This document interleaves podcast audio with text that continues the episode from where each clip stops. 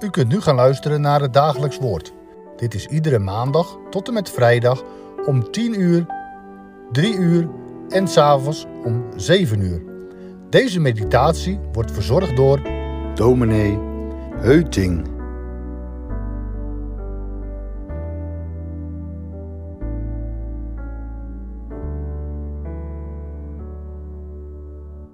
Het is onrustig in Jeruzalem. De feestdagen zorgen altijd voor drukte.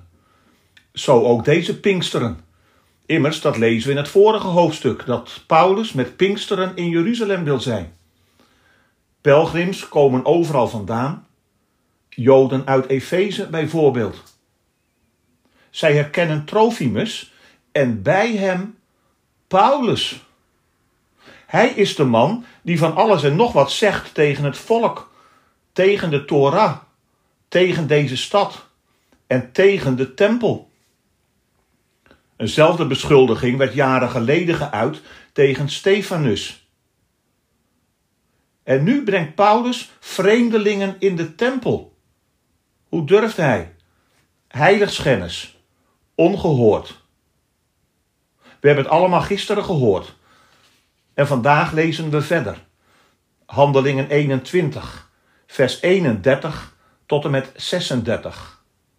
Handelingen 21, vanaf vers 31. En terwijl zij hem probeerden te doden, kreeg de overste van de legerafdeling het bericht dat heel Jeruzalem in verwarring was. Die nam ogenblikkelijk soldaten en hoofdmannen over honderd mee en liep snel naar beneden naar hen toe. Toen zij nu de overste en de soldaten zagen, hielden zij op Paulus te slaan. Toen kwam de overste dichterbij, greep hem en gaf bevel hem met twee ketenen te boeien, en hij vroeg wie hij was en wat hij gedaan had. En in de menigte riep de een dit en de ander weer wat anders. Maar toen hij door de opschudding niets met zekerheid te weten kon komen, gaf hij bevel hem naar de kazerne te brengen. En toen hij bij de trappen gekomen was, gebeurde het dat hij door de soldaten gedragen moest worden vanwege het geweld van de menigte. Want de volksmenigte volgde, al schreeuwend, weg met hem.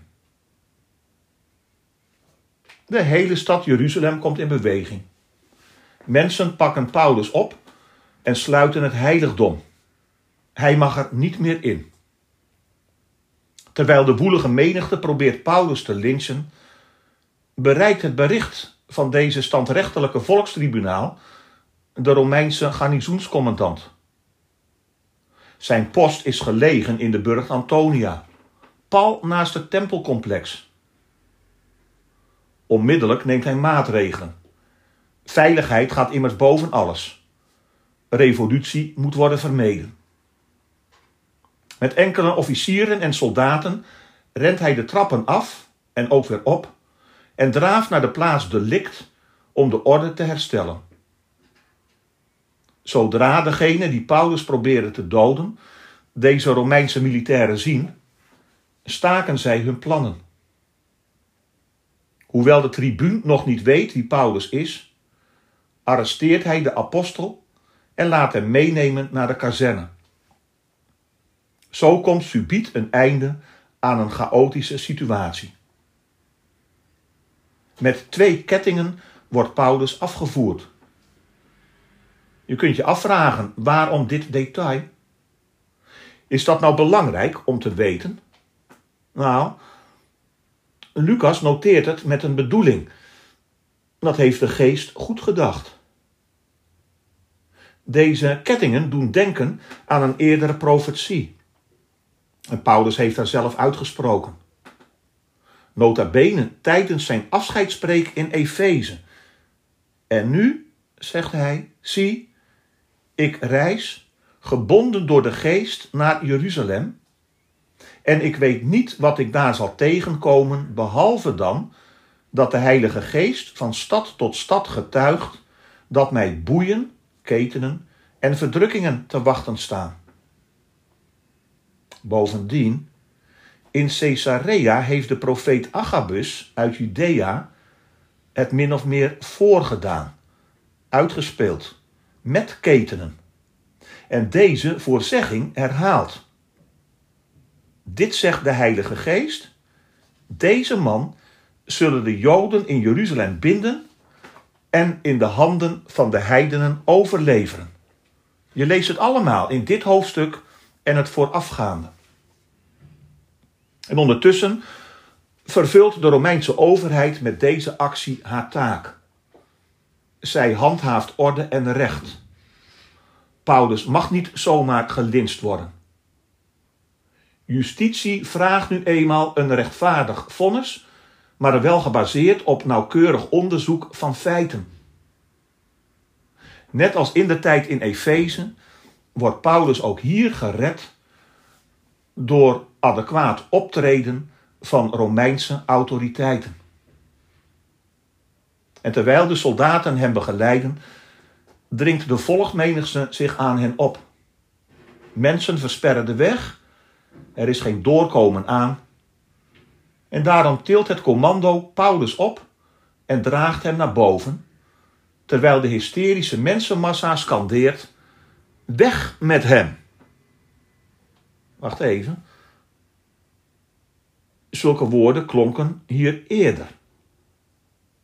Weet je nog, jaren, jaren geleden. Tijdens het proces van de Heer Jezus. In de vroege morgen van die vrijdag, die wij typeren als de Goede Vrijdag. Toen stond hier ook een grote mensenmassa die riep: Weg met hem, weg met hem, kruisig hem. Eigenlijk hoef je nog niet eens zo goed te luisteren naar Lucas om te horen wat hij wil vertellen. Analoog aan de woorden van de Heer Jezus die eens zei: Een discipel staat niet boven de meester en de slaaf niet boven zijn Heer.